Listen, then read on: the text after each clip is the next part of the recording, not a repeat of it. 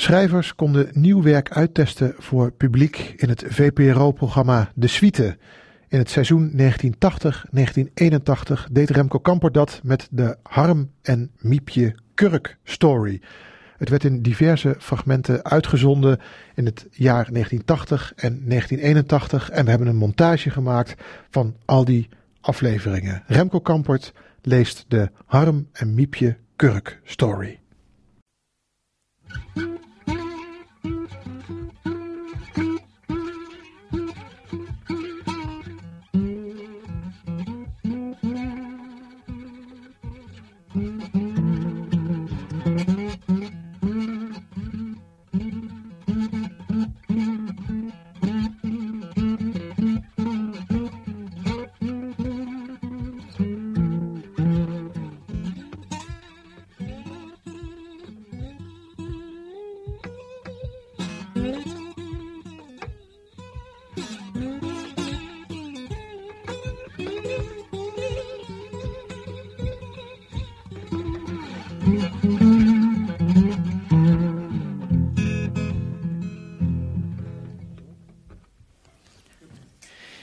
Dingen waarop in het leven weinig zegen rust is het logeren.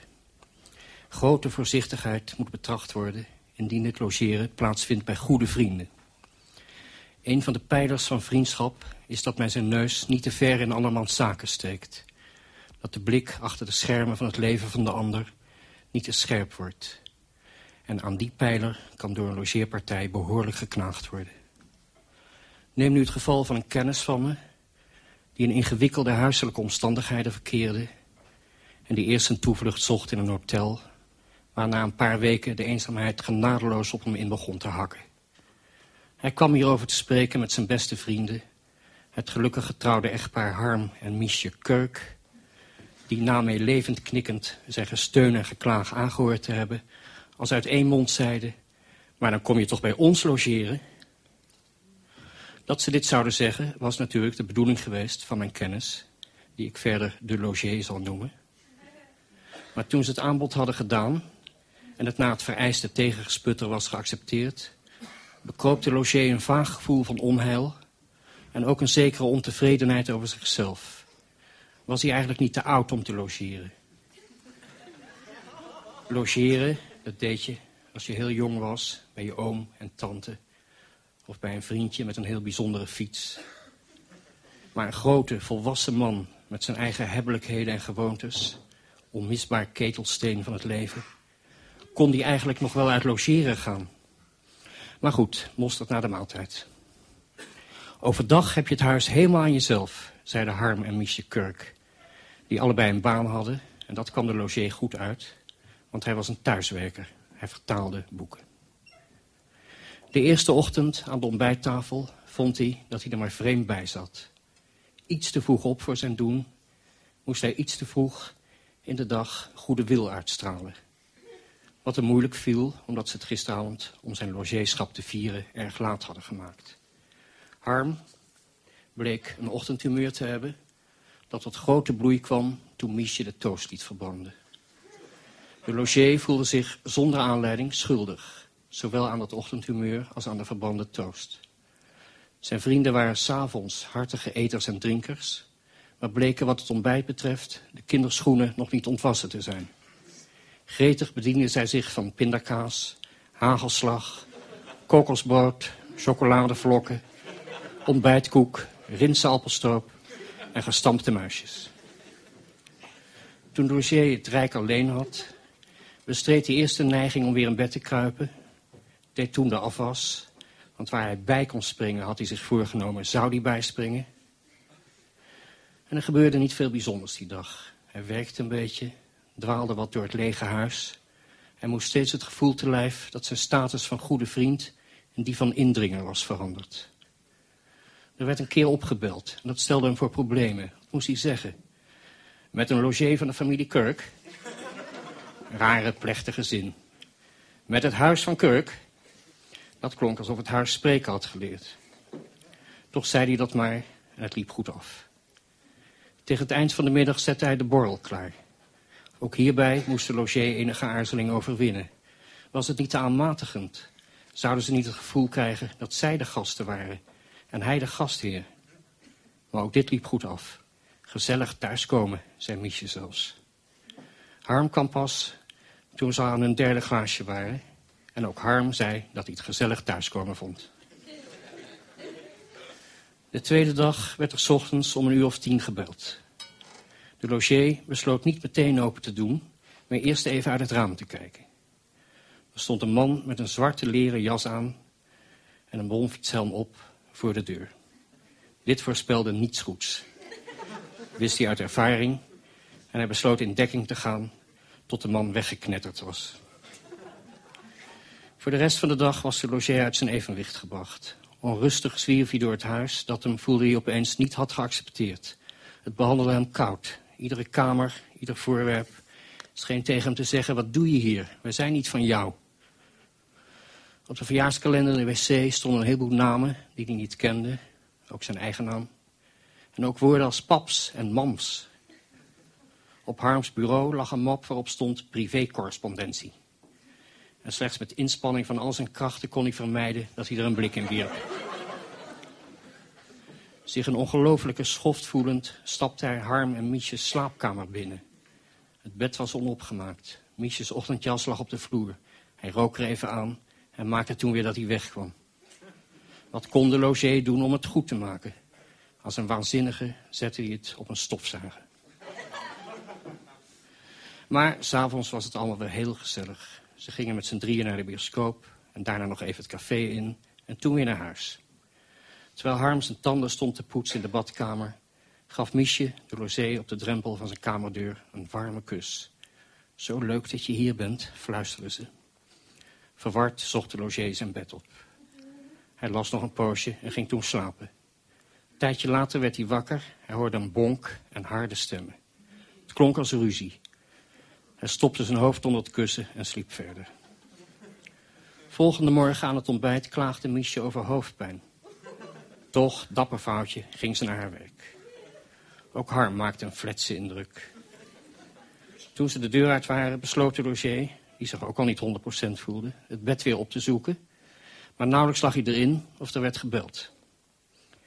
Nadat hij uit het raam had gekeken, deed hij open. Voor de deur stonden drie mannen in werkkleding een van hen hield een transistorradio vast, waarop Hilversum 3 als een gek tekeer ging. Ja, we zijn hier met de dakmachine, meende de logier dat een van de mannen zei. Meneer en mevrouw zijn niet thuis, begon hij te zeggen. We kennen de weg, meneertje. En even later waren ze bezig een vervaarlijk uitziend apparaat naar boven te takelen. De logier besloot het zekere voor het onzekere te nemen en belde zijn vriend Harm op zijn werk op. De mannen van de dakmachine zijn er, meldde hij. Klopt dat? Oh god ja, de firma Visser. Was ik vergeten je te zeggen, maar dat is goed hoor, sorry. Wat is dat, een dakmachine, wilde hij vragen. Maar Harm had al opgehangen.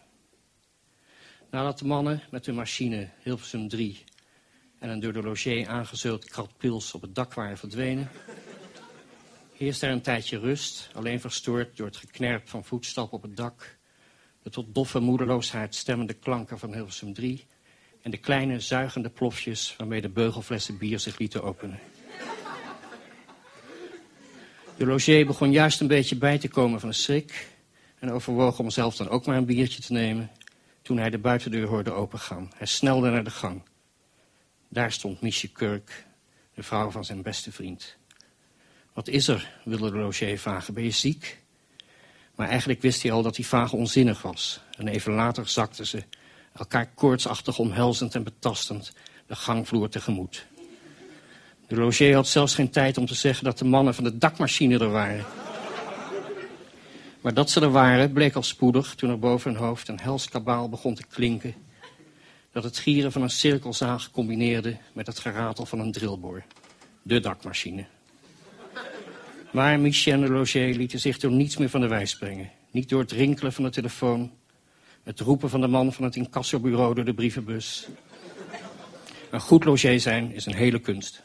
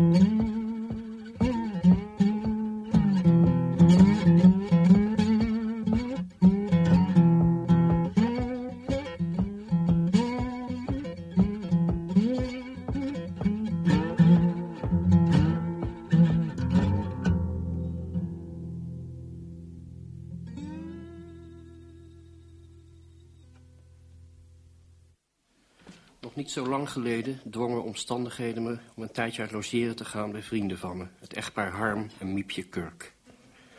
Van mijn wederwaardigheden als logier heb ik voor deze microfoon al verslag uitgebracht. Uit dat verslag bleek onder andere dat er door deze logeerpartij hechte banden waren ontstaan tussen Miepje Kurk en mij, die, nu ik weer op mezelf woon, gelukkig gecontinueerd zijn. Miepje bezoekt mij regelmatig in mijn vrijgezellenflat terwijl ook mijn vriendschap met het echtpaar als echtpaar niet verloren is gegaan. Omdat de verhouding tussen Miepje en mij uitsluitend op vleeselijke lusten is gebaseerd, hebben we als de passie is geblust niet erg veel om over te praten. Eigenlijk hebben we maar één onderwerp en dat putten we iedere keer dan ook totaal uit. Dat onderwerp is harm. Wat Harm doet, hoe Harm zich voelt, wat Harm nu weer heeft gezegd, hoe ontzettend fijne man Harm toch is, hoe het met Harm zijn werk gaat. Hij is redacteur bij een krant. En natuurlijk weet Harm het. Vermoedt Harm iets. Want het is natuurlijk wel leuk om je vriend met zijn vrouw te bedriegen, maar hij moet het niet merken. Dan is de pret eraf. Dat voortdurende gepraat over Harm is natuurlijk ook een vorm van boetedoening. Want hoezeer we ook kinderen van deze tijd zijn, we zitten fout. Dat weten we, Miepje en ik. Harm Kirk is een beetje ons zorgenkindje geworden. Van de week lagen Miepje en ik naast elkaar uit te blazen. Toen ze na enig inleidend gezucht zei... Het gaat niet goed met Harm de laatste tijd. O jee, daar zul je het hebben, dacht ik. Hij weet het. Ik zal moeten vechten en met de vriendschap is het natuurlijk gedaan. Hij maakt een moeilijke tijd door, vervolgde ze. Iets met zijn werk, vroeg ik hoopvol. Want op krantenredacties is altijd wel iets. Nee, zei Miepje, hij denkt veel na over de dood. Tjee, zei ik, opgelucht ademhalend. Hoezo dan? Nou, hij komt thuis, vertelde Miepje. En dan gaat hij in een stoel zitten en dan denkt hij over de dood. Soms huilt hij een beetje, of hij wordt erg dronken. S'nachts doet hij geen oog dicht en er gaan dagen voorbij dat hij geen woord zegt. Dan maalt het steeds maar in hem dat het leven niet eeuwig duurt. Laatst gingen we naar bed. Dat vind je toch niet erg, hè, Remco, dat ik met hem naar bed ga? Het is je man, zei ik grootmoedig. Ja, dat is zo, zei ze pijnzend. Enfin, we gingen naar bed en halverwege hield hij opeens op. Hij verslapte, als het ware. Hij ging naast me liggen op zijn rug, net zoals jij nu ligt, en staarde naar het plafond. Wat is er, vroeg ik. Heb ik iets verkeerds gedaan? Ja, want je zoekt de schuld toch allereerst bij jezelf. Ik kuste Miepje op haar oor. Wat een lief vrouwtje was het toch. Nee, zegt hij, je kunt er niets aan doen, Miepje. Het komt er dat ik steeds maar aan de dood moet denken. Weet je, Miepje, dat we allemaal doodgaan? We gaan allemaal dood. Hij klonk bijna een beetje tevreden toen hij het zei. Jij gaat ook dood. Maar ik in het bijzonder. Dat vind ik heel erg. Ja, dat is ook niet leuk, zei ik. Dan moet je daar nu juist op dit moment over denken. Kan het niet op een andere keer? Morgen bijvoorbeeld. Morgen heb je de afwasbeurt. Dan heb je alle tijd om er rustig over na te denken. Ik denk er altijd aan, zei hij, ook onder de afwas. Ik weet niet wat ik eraan doen moet, besloot Miepje. Zou jij niet eens met hem willen spreken, Remco? Je bent tenslotte zijn beste vriend. Een paar uur nadat Miepje mijn bed had verlaten en terug was gekeerd naar de huiselijke haard, ging ik op bezoek bij het bevriende echtpaar. Er heerste een sombere stemming in de huiskamer. Harm zat in zijn stoel, groette me flauwtjes en staarde voor zich uit. Nu denkt hij dus aan de dood, wist ik. Miepje verliet na een tijdje onder een voorwendsel de huiskamer. Dat merkte hij niet eens, geloof ik. Scheelt er iets aan, Harm? vroeg ik na een poosje. Je bent zo stil. Afgezien van het feit dat ik doodga, gaat alles uitstekend, zei hij. Hoezo, heb je een ernstige ziekte, vroeg ik. Onogig staarde de ten dode opgeschrevene me aan. Niet ernstiger dan jij, zei hij. Jij gaat ook dood. Oppervlakkig als je bent, schijnt dat niet erg tot je door te dringen. We gaan allemaal dood, antwoordde ik. Als ooit een dooddoener op zijn plaats was geweest, dan nu wel. Alsof die gedachte de boel er beter op maakt, zei hij. Weet je dat Miepje ook doodgaat? Stel je voor dat ze eerder zou sterven als ik. Als ik dat maar niet hoef mee te maken. Dat zou ik niet overleven. Er was een brok in zijn keel hoorbaar. Wel nee, Harm, probeerde ik hem te troosten. Jij gaat veel eerder. Maar die gedachte scheen hem ook niet erg op te beuren. Nu ja, er was geen land met hem te bezeilen. Geheel al gefixeerd op zijn onherroepelijke afscheid van de wereld... weigerde hij een straaltje hoop in zich toe te laten. In deze staat liet ik hem achter. En, vroeg Miepje in de gang toen ze hem naar de deur bracht. Morgenmiddag, gewone tijd, zei ik. En ik zal voor schone lakens zorgen.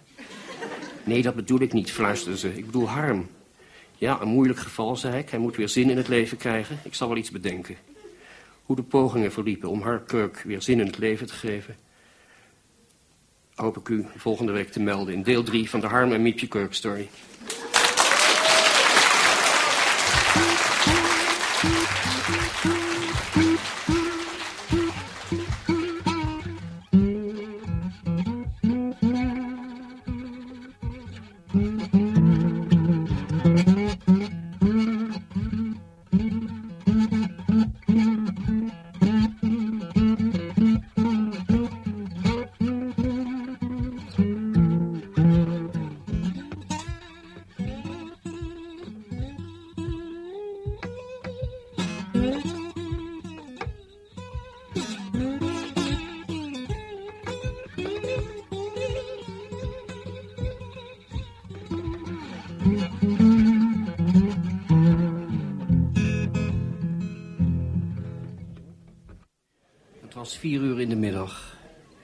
Miepje Kurk en ik lagen in bed in mijn vrijgezellenflat.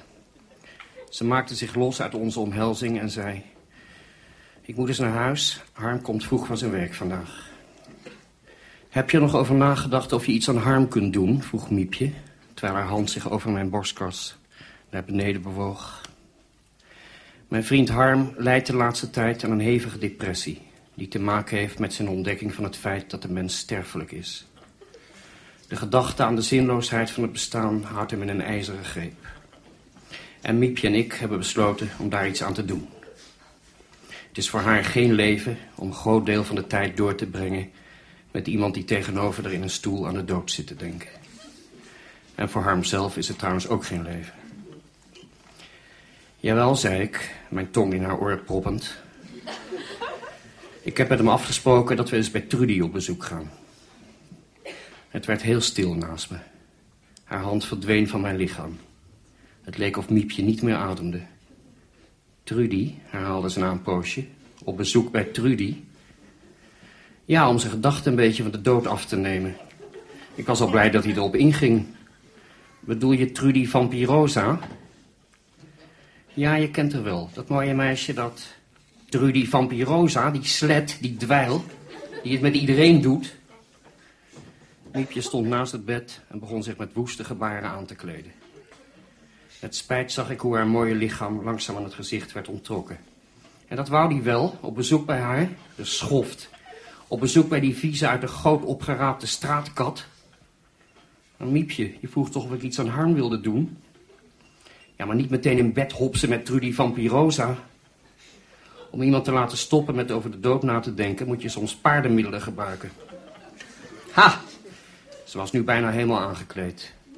Nou, je moet het niet zo serieus nemen, zei ik. Je moet het gewoon als een beetje afleiding voor Harm beschouwen. Afleiding? Dat hij met zo'n smerige toddik in bed ligt te kroelen? Maar zover is het toch nog helemaal niet. En zover zal het ook niet komen. Met wilde bewegingen borstelde ze haar haar. Trouwens, gewoon een beetje afleiding. Zo denk jij dus over vrouwen. Seksist.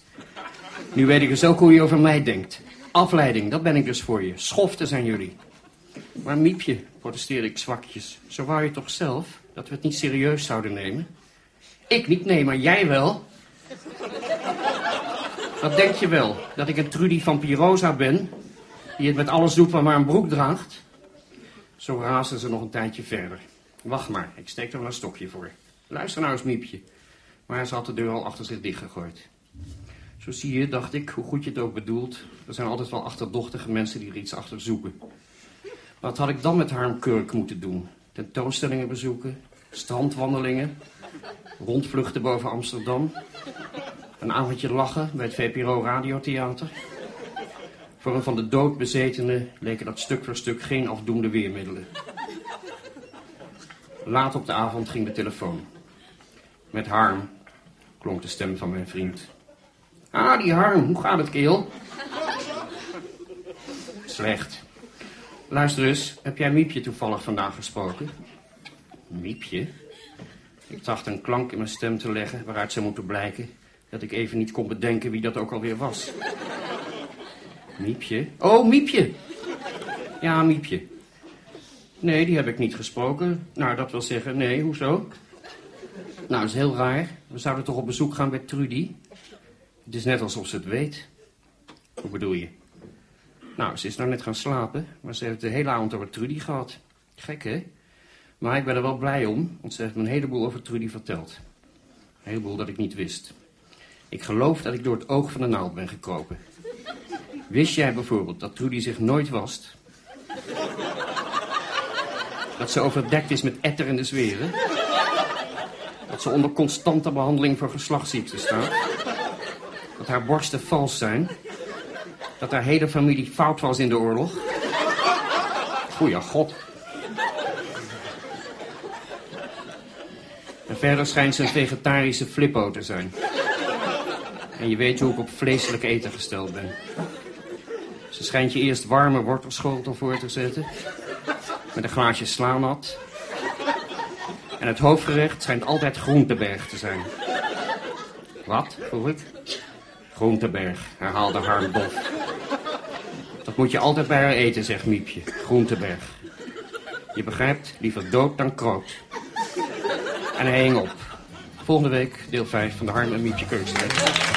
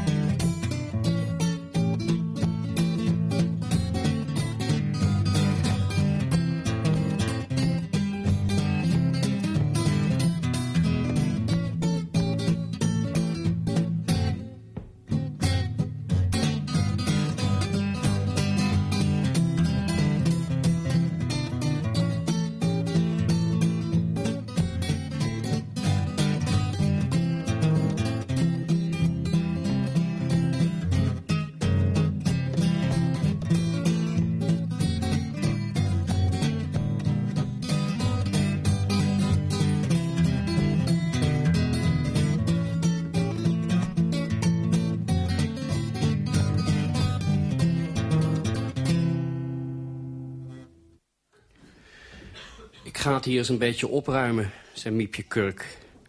En voor ik haar kon tegenhouden, had ze zich losgemaakt uit mijn omhelzing... mijn ochtendjas aangetrokken... en maakte aanstalten om de stofzuiger tevoorschijn te halen uit de kast... waarin het helsapparaat voor straf zat opgesloten. Het was een uur of drie in de middag, grauw weer buiten... zodat het binnen extra veilig leek. En de wat rommelige indruk die mijn vrijgezellenflat maakte... gaf, vond ik juist een sfeer van huiselijkheid aan het geheel... Ik bevond me er in ieder geval wel in. Vrijgezel zijn is behalve een kunst ook een keuze. Het is niet een gebrekkige staat van leven... waarin de vrijgezel door omstandigheden, vrouw er vandoor of zoiets, is terechtgekomen. Nee, het is de volmaakste staat van leven. De mens is alleen en zorgt voor zichzelf. De echte vrijgezel is niet bang om alleen te zijn. Integendeel, het is zijn grootste vreugde. Rommel, de afwas van de vorige dag... de vloer die gestofzuigd moet worden de asbak die overvol is, het bed dat nog opgemaakt moet worden, zijn te beschouwen als de trotse symbolen van de vrijgezeliaanse onafhankelijkheid. Ik sprong dus het bed uit, pakte de stofzuiger af van Miepje en sloot hem weer op in zijn hok. God, als ik daar nou zin in heb, zei ze. Nee, er komt niets van in. Dat is niet de afspraak, zei ik. Trouwens, je hebt al een huishouden. Wat is er eigenlijk? Ik herken je niet. Meestal, na de lichamelijke geneugde, praten Miepje en ik nog een tijdje over Harm. Eigenlijk is hij ons enige onderwerp van gesprek. Hoe het met hem gaat, of hij moeilijkheden op zijn werk heeft, zijn kwaaltjes... en vooral zijn goede eigenschappen die wij niet moe worden te prijzen. Jawel, zei Miepje. Er is wel iets. Ik voel me niet zo erg op mijn gemak de laatste tijd. Miepje, popje, wat is er dan? Is het iets met Harm? Wij maakten ons de laatste tijd een beetje zorgen over Harm... omdat hij het steeds maar over de dood had. En als hij het er niet over had, eraan zat te denken. Is hij nog steeds met de dood bezig? Nee, zei Miepje, dat is het juist. Hij doet bijna overdreven opgewekt. Nou, dat klinkt niet als iets om je zorgen over te maken. Wees blij dat hij van zijn doodschrift af is. Hij geeft me voortdurend kusjes en hij helpt me met alles. En ik moet steeds maar met hem naar de bioscoop en de schouwburg en uit eten. Nou, een voorbeeldige echtgenootkarton. Ja, maar soms wordt hij stil en dan zit hij naar me te staren. En dan knikt hij na een tijdje alsof hij wil zeggen... Ja, ja, ik weet het wel. Misschien knikt hij je liefdevol toe. Dat doen mensen wel eens, zei ik bij gebrek aan beter. Nee, het is iets anders. Het maakt me in elk geval onrustig. De volgende dag ging de telefoon. Harm hier, klonk de stem van mijn vriend. Ah, die Harm. Remco, ik moet eens even met je. We spraken af in een café waarin ik me enigszins schoorvoetend begaf, wat niet mijn gewoonte is. We bestelden een glas, praten wat over ditjes en datjes, tot Harm zei, ik zit met een probleem. Of liever gezegd een vermoeden, maar het berust op zo goed als niets. Dat is juist het probleem. Eerst in het algemeen vind jij dat een mens op zijn intuïtie moet vertrouwen. Altijd, zei ik, want dat vind ik. Ja, dat vind ik ook. En nu zegt mijn intuïtie me dat Miepje een verhouding heeft. Miepje, krijsde ik. En stortte bijna van mijn kruk. Ja, ik weet het bijna zeker. Ik voel het aan mijn water, zal ik maar zeggen. Miepje een verhouding, stamelde ik. Ja, zei Harm, ik begrijp dat je ervan schrikt. De kurkjes in jouw ogen altijd zo hecht verbonden en nu dit. Maar heb je bewijzen? Nee, eigenlijk niet. Maar ik heb mijn intuïtie en zoals je zelf zegt, die moet je altijd vertrouwen. Nou ja, altijd, probeerde ik af te zwakken. Maar wat vind je, vervolgde Harm. Zal ik het haar gewoon vragen? Nee, nee, nooit doen. Ontraad ik met grote nadruk. Nooit zoiets vragen. Daar heb je alleen jezelf maar mee. Hoogstwaarschijnlijk heeft ze helemaal geen verhouding. En dan zal zo'n vraag die toch een blijk van wantrouwen is... haar niet erg gelukkig maken. Daar zit iets in, knikte Harm. Ja, waar ik ook over nadenk... is om een paar dagen vrij van mijn werk te nemen en haar te volgen. Hé, hey, kijk uit. Van ontsteltenis had ik mijn bier omgegooid. Miepje volgen, stotterde ik. Je eigen vrouw volgen. Dat moet ik je ten sterkste afraden. Nou, waarom? Dan weet ik tenminste iets. Je moet nooit je eigen vrouw volgen, doseerde ik. Dat verziekt de relatie alleen maar. Je zult het haar nooit kunnen vertellen dat je haar gevolgd hebt. Je hele leven zul je iets voor haar verborgen moeten houden. Nee, Harm, volg haar niet. Hij knikte opnieuw. Ja, dat had ik eigenlijk zelf ook al bedacht, zei hij. Wat moet ik dan doen? We zwegen een poosje. Weet je, Harm, zei ik tenslotte, we zijn al heel lang vrienden. En voor je vrienden moet je iets over hebben. Als je me belooft dat je het haar nooit vertelt... stel ik je voor dat ik haar zal volgen. Geroerd keek hij me aan. Dat zou ik ontzettend op prijs stellen, Remco. Ach, zei ik als vriend. De andere keer doe je weer eens iets voor mij.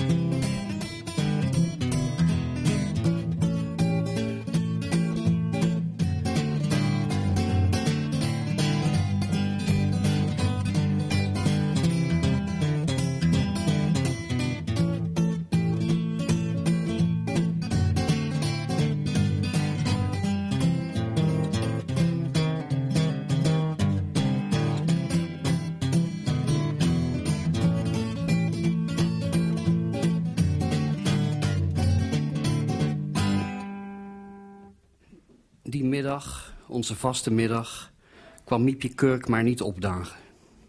Klaar voor de daad dwaalde ik in mijn nietsverhullende kamerjas door mijn vrijgezellenflat. Waar bleef Miepje nu toch? Sinds mijn laatste bezoek aan Huizen Kurk had ik niets meer van het bevriende echtpaar vernomen.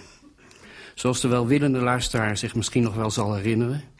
had Miepje op die avond in het bijzijn van een echtgenoot... tevens mijn beste vriend Harm, eruit geflapt dat ze wel eens met me sliep. Gelukkig had Harm dit zo ongeloofwaardig gevonden... op het beledigende af, bijna, vond ik... dat hij haar bekentenis als een vermakelijke opmerking had beschouwd. Trillend over mijn hele lijf was ik die avond naar huis gestompeld. De hele nacht had ik mezelf liggen verwijten... dat ik het had aangelegd met de vrouw van mijn beste vriend. Angst staat vaak aan de wieg van zelfverwijt. Maar in de dagen daarna had de gewone begeerte de schuldgevoelens weer verdrongen. En daar ging ook de bel al. Miepje was natuurlijk door het een en ander opgehouden. Ik snelde naar de gang, drukte op het knopje en hoorde beneden de buitendeur openspringen. Joehoe, riep ik jolig, zoals mijn gewoonte was als Miepje Kurk mij bezocht. Het bed staat klaar. Er kwam geen antwoord, maar wel zag ik even later het sombere hoofd van Harm verschijnen. Wat zei je nou, vroeg hij. Het bed staat klaar. Harm, bracht ik eruit. Dat is onverwacht. Ja, ja, het bed staat klaar, ja. Ze komen het namelijk halen. Een en al vraagteken keek hij me aan. Mannen, verduidelijkte ik. Mannen komen het bed halen. Oh, het doet het niet meer, legde ik uit. Ah. Versleten. Ik ruil het in voor een nieuw. Scheelt toch weer 50 gulden. Ik wist van geen ophouden meer. Mag ik binnenkomen? vroeg Harm. Ja, sorry, natuurlijk. In de huiskamer liet hij zich zwaar in een makkelijke stoel neer. Bevreemd keek hij naar me. Ben je net op, vroeg hij. Nee, hoezo? Oh, vanwege mijn ochtendjas. Nee, die heb ik zomaar aan. Lekker relaxed. Lekker relaxed, herhaalde Harm. Ik wou dat ik me zo voelde. Even verborg hij zijn hoofd in zijn handen. Miepje is weg, zei hij toen. Nu was het mijn beurt om zwaar in een stoel te ploffen. Weg? Ja, al twee dagen. Ik moet er met iemand over praten. Waar is ze? Vanochtend belde ze op. Ze is in een hotel, zegt ze. In een hotel? Ja, om na te denken, zegt ze. Over ons huwelijk en over zichzelf. Wat kan dat betekenen? Moedeloos keek hij me aan en al even getroffen blikte ik terug. Miepje in een hotel om na te denken. Dat voorspelde voor ons beiden weinig goeds. Als zo'n machine eenmaal in werking is gesteld, is hij vaak moeilijk te stoppen. Weet je ook welk hotel, vroeg ik. Nee, dat wou ze niet zeggen. Het is allemaal mijn eigen schuld. Ik heb haar gewantrouwd. Ik heb haar verwaarloosd. Weet je nog dat ik steeds maar aan de dood zat te denken? Ja, dat was geen vrolijke tijd. Nee, wat moet je met zo'n man, knikte Harm. Dat heeft ze natuurlijk gedacht. En zoals ik eruit zie, hier moet je kijken, mijn buik. Hij liet zijn buik zien, sloeg met zijn vlakke hand op de kwabben. Voel eens, moet je voor de aardigheid eens voelen. Hij rustte niet voor ik een buikplooi betast had. Walgelijk, hè? Wat moet een aantrekkelijke jonge vrouw met zo'n oude, uitgezakte kerel? Als je ziet wat er allemaal op straat rondloopt aan slank, lang en knap mannelijk materiaal. Ik kan me indenken dat je dan in een hotel gaat zitten om er eens goed over na te denken. Hij zweeg even en staarde vol zelfhaat voor zich uit. Ik kan niet eens meer inhouden, mijn buik, zei hij na een poosje. En mijn haar is ook helemaal verkeerd. Donkere krullen moet ik hebben, die slordig over mijn voorhoofd vallen. En wat heb ik? Dunne, blonde, slappe sprieten. Haar van een pop op een vuilnisbelt. Wil je iets drinken, vroeg ik. Heb je je never? Ik schonk hem een flinke bel vol. Ook zoiets, zei hij, dat stommige zuip. Wat dat je lichaam aandoet. Hier, moet je zien. Hij priemde een beschuldigende wijsvinger vlak onder zijn ogen. Die wallen, zie je ze? Zie je ze? Net twee ongebakken poffertjes. Ik wilde de fles weer wegzetten, maar hij graaide de fles behendig uit mijn hand en schonk zijn glas nog eens vol. En dat stomme pils drinken, die vieze lauwe troep en die rottige, steeds kleiner wordende glaasjes. Doe mij maar een pilsje, bouwde Harm na. Doe mij maar een pilsje. Gekookte hondenpis smaakt nog beter. Maar toch maar doorlebberen, totdat je neus in je oren uitkomt. Wijntje bij het eten, heren? Ja hoor, de heren een wijntje bij het eten. Maar eerst een sherrytje vooraf, ober. Heeft u nog die sherry die we laatst hadden? U weet wel, die is in Barla Nassau persen. Uit oude zakdoeken en gebruikte verbandwatten. Ik hoor het al, de heren zijn fijnproevers. Ja, en dan graag bij het eten van die wijn, waardoor bij elke slok je maag voelt alsof een kat er zijn nagels in je ingewanden zet. En bij de koffie zeker het bekende recept, heren. Het stooksel van verroeste treinrails en het water van bloemen die te lang in de vaas hebben gestaan. Harm zweeg. Miepje, kreunde hij na een tijdje, wat heb ik je aangedaan? Op dat moment werd er gebeld. Wie kan dat nou zijn, zei ik. Vol bange vermoedens. De mannen, zei Harm. Welke mannen? De mannen van het bed natuurlijk. Oh god. Ik snelde naar de gang, deed de deur open en mijn vrees werd bewaarheid. Het was Miepje.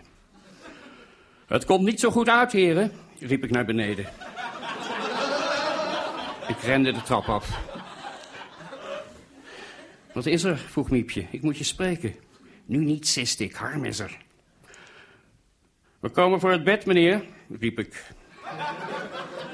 Wat? zei Miepje. Ga nou, fluisterde ik dringend en duwde haar de deur uit.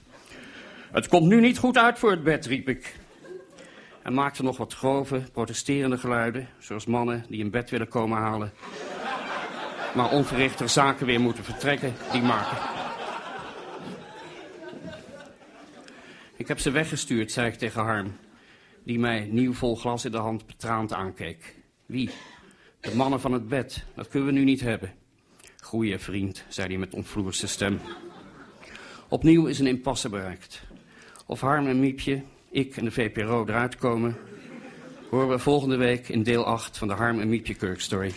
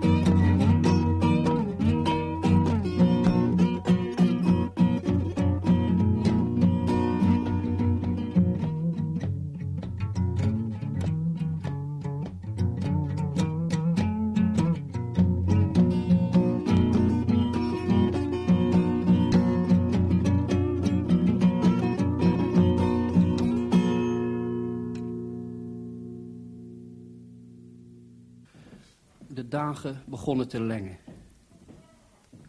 Het zou niet lang meer duren of het voorjaar zou uitbarsten. Reeds hingen hier en daar aan de bomen van de stad geprikt...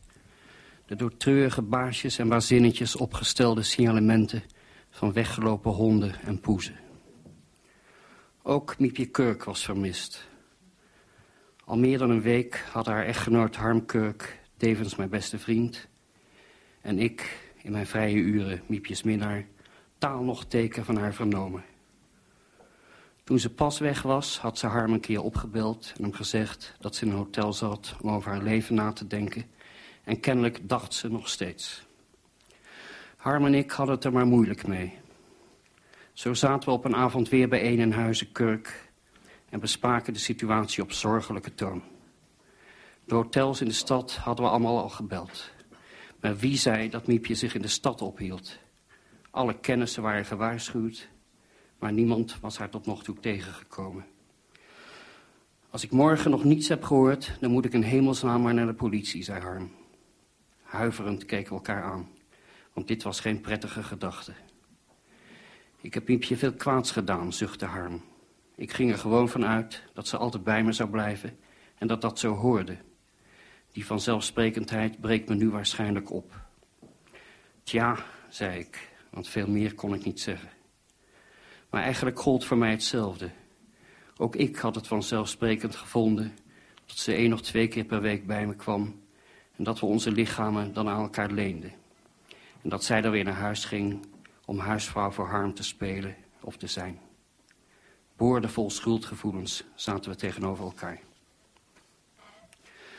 Op dat moment ging de in film en verhaal zo vaak, maar in het leven zo zelden reddende telefoon.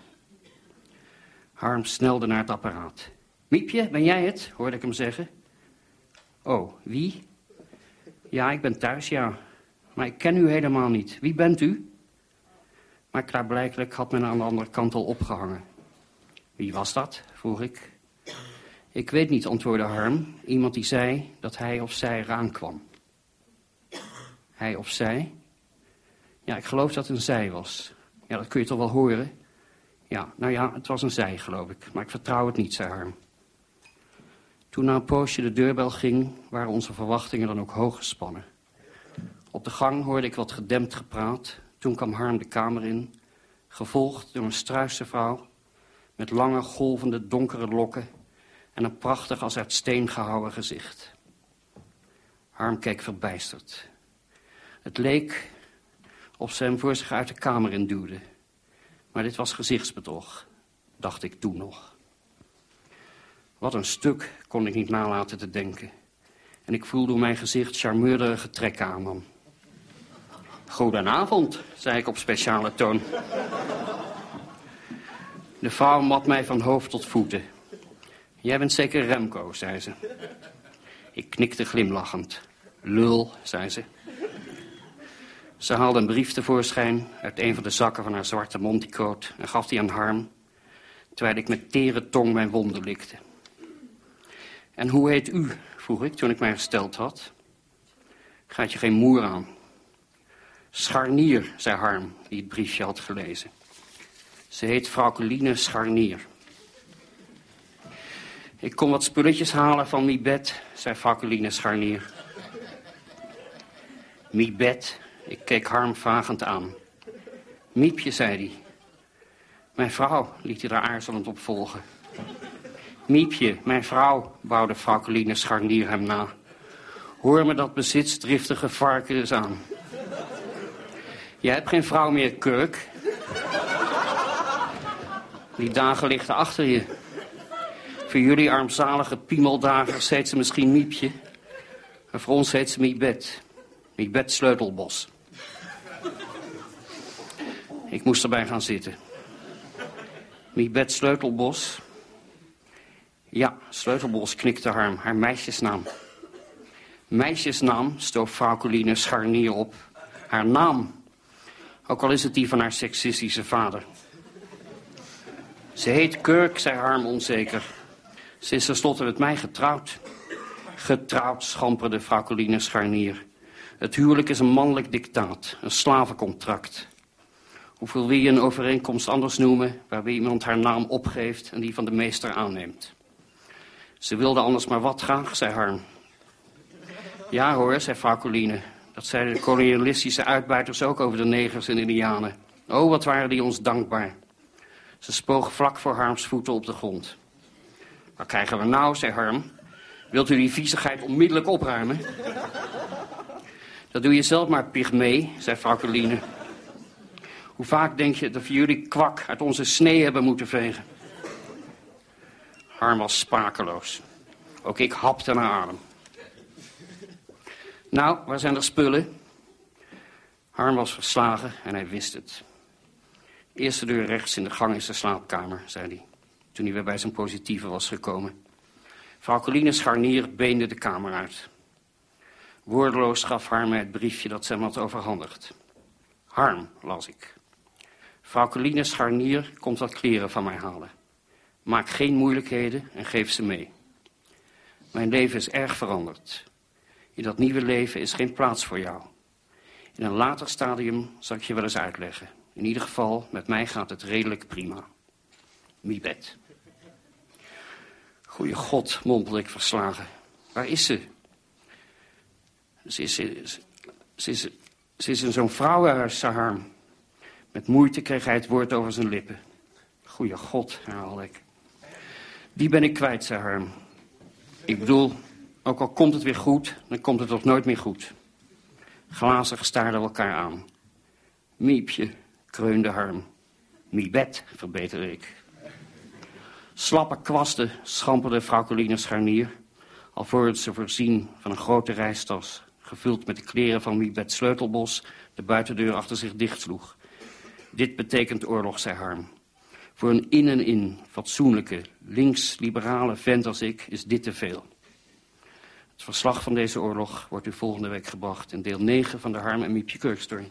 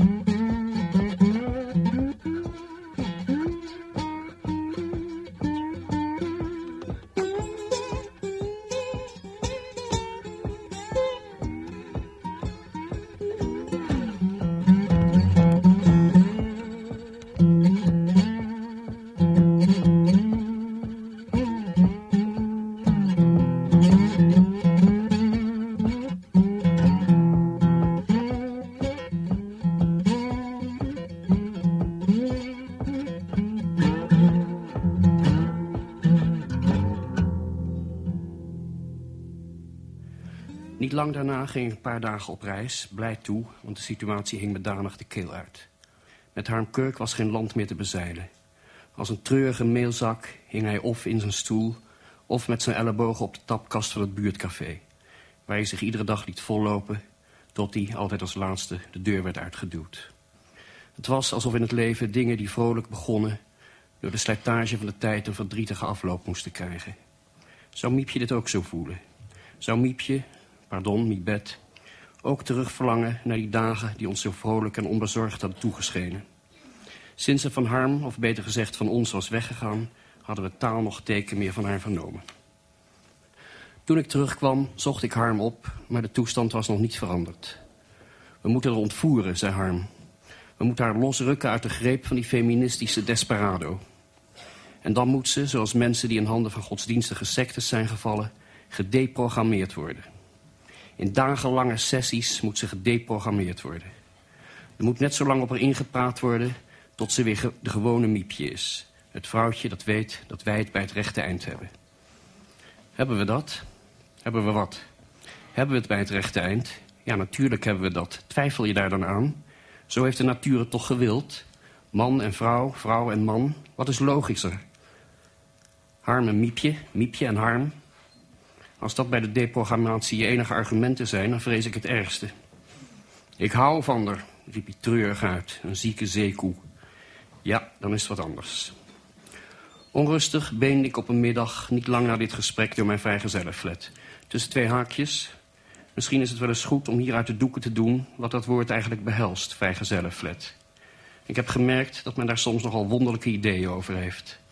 Men ziet dan een kleine kamer voor zich met in de hoek een gasstelletje en in dit benauwde vertrekje leidt de vrijgezel zijn onhandige leven. Maar de gemiddelde vrijgezellenflat bestaat naar mijn ervaring uit een kamer of vijf... waarin de vrijgezel zich zingend en huppelend en handenwrijvend ophoudt. Bij die kamers heb je dan natuurlijk ook nog je woonkeuken, je bijkeuken... je bad- en saunaruimte en je spelletjeskamer. In het gros van de vrijgezellenflats legt men zulke afstanden af... dat het bijna niet de moeite loont om nog de straat op te gaan dat ik desondanks die middag een beetje uit mijn doen was... kwam doordat dit een van de middagen was waarop Miepje Kurk en ik gewoon waren elkaar te ontmoeten... en het liefdespel te bedrijven. Een van de weinige sleuren die ik in mijn vrijgezellenleven had toegelaten. Juist had ik besloten om dan maar de stad in te gaan op zoek naar vervangend materiaal... toen de telefoon ging. Ik nam op, wat lang niet altijd mijn gewoonte is. Met vrouw Coline Scharnier klonk de stem van Miepjes vriendin... Ik was zo verbaasd dat ik de staande lamp omstootte die zich in mijn buurt bevond. Deze lamp viel tegen de boekenkast. Door de schok viel een vaas met bloemen die op de boekenkast stond naar beneden, boven op mijn hoofd. Wat tot gevolg had dat ik een afschuwelijke vloek slaakte, die ik zelfs in dit vrijzinnige milieu niet durfde herhalen. Oh, ik hoor het al, klonk de stem van Vaukeline Scharnier. Je mag me niet. Ik wilde uitleggen wat er gebeurd was, maar voor ik zover kwam, stortte ik, omdat mijn benen verward bleken te zijn geraakt in de snoer van de schemerlamp, voorover op het vaste tapijt met mijn neus in het iets wat stinkende bloemenwater. Wat gebeurt er allemaal? Ben je aan het vechten? vroeg Scharnier. Ogenblikje, bubbelde ik. Ja, zeg het maar, zei ik toen ik weer enigszins op orde was. Weet je het zeker? vroeg ze. Ja, maar vlug voor er weer iets gebeurt. Ik kom naar je toe, zei ze. Wat doen? vroeg ik. Ik wil iets met je regelen. Wat dan? Maar ze had al opgehangen. Ze was duidelijk iemand die niet van lange verklaringen hield of tegenspraak verwachtte. Ik had nog maar juist de laatste bloem uit mijn haar verwijderd toen ze aanbelde. Ik deed open, van nieuwsgierigheid bijna uit mijn vel barstend. Opnieuw viel me op hoe mooi ze was. Wat jammer toch dat... En stel je toch eens voor dat... Maar nee, weg met die slechte gedachten. Je woont hier behoorlijk ruim, zei ze. Mibet en ik hokken op één kamer. Het is ongelijk verdeeld. Ik had geen medelijden. Kom je om me dat te vertellen, vroeg ik. Nee, ik heb je nodig voor iets. Ik wil Mibet een kindje geven, daarvoor heb ik je even nodig. Ik begrijp je niet, hoe bedoel je? Ik wil moeder van een kindje worden waar Mibet en ik dan samen verder voor zorgen. Nou, schiet op, waar is de slaapkamer? Bedoel je dat ik... Ja, gewoon even snel, waar is je slaapkamer? Laten we maar meteen aan het werk gaan, des te eerder zijn we er vanaf. Wat brengt, je op die, wat brengt je op het idee dat ik me daarvoor zou lenen? Als je het niet doet, weet Harm Kurk vandaag nog dat je een verhouding met zijn vrouw hebt gehad. Nee, dat nooit. Nou, zie je wel, vooruit, schiet op. Ik begreep dat ik als een rat in de val zat. Met lood in de schoenen ging ik haar voor naar de slaapkamer, waar ze zich begon uit te kleden. Langzaam trok ik mijn schoenen uit. Weet Miepje, uh, sorry, Miebet ervan? Nee, natuurlijk niet. Het is mijn kind en ik geef het aan haar. Onbevlekt ontvangen. Nou, komt er nog wat van? Kleed je uit. Ik gehoorzaam daar onwillig en ging naast haar op bed liggen.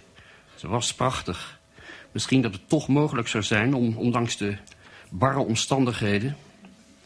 Denk erom, zei ze nors, er kan geen ogenblik sprake zijn van enige aardigheid. Er wordt niet geheigd, gekreund, gesmakt, gestreeld of wat dan ook. Gewoon erin, heen en weer bewegen, komen en eruit. Ik wist nu zeker dat ik dit nooit zou kunnen. Het gaat niet, zei ik machteloos. Onzin, jullie kunnen toch altijd? Jullie mannen hebben toch altijd zin? Kom, vooruit, aan de slag. Op dat moment rinkelde de telefoon die op het tafeltje naast het bed stond. Wie? vroeg ik met gesmoorde stem, want vrouw Coline had zich juist op me gewenteld... in een poging om enig leven, zo noodzakelijk indien men een spruit begeert, in mij te krijgen. Met Harm, klonk Harms stem. Wat ben je aan het doen? Je klinkt zo raar. Ik kon het hem niet uitleggen. Zal ik het hem wel kunnen uitleggen in deel 10 van de Harm en Mietje Kirk story? Luistert u volgende week.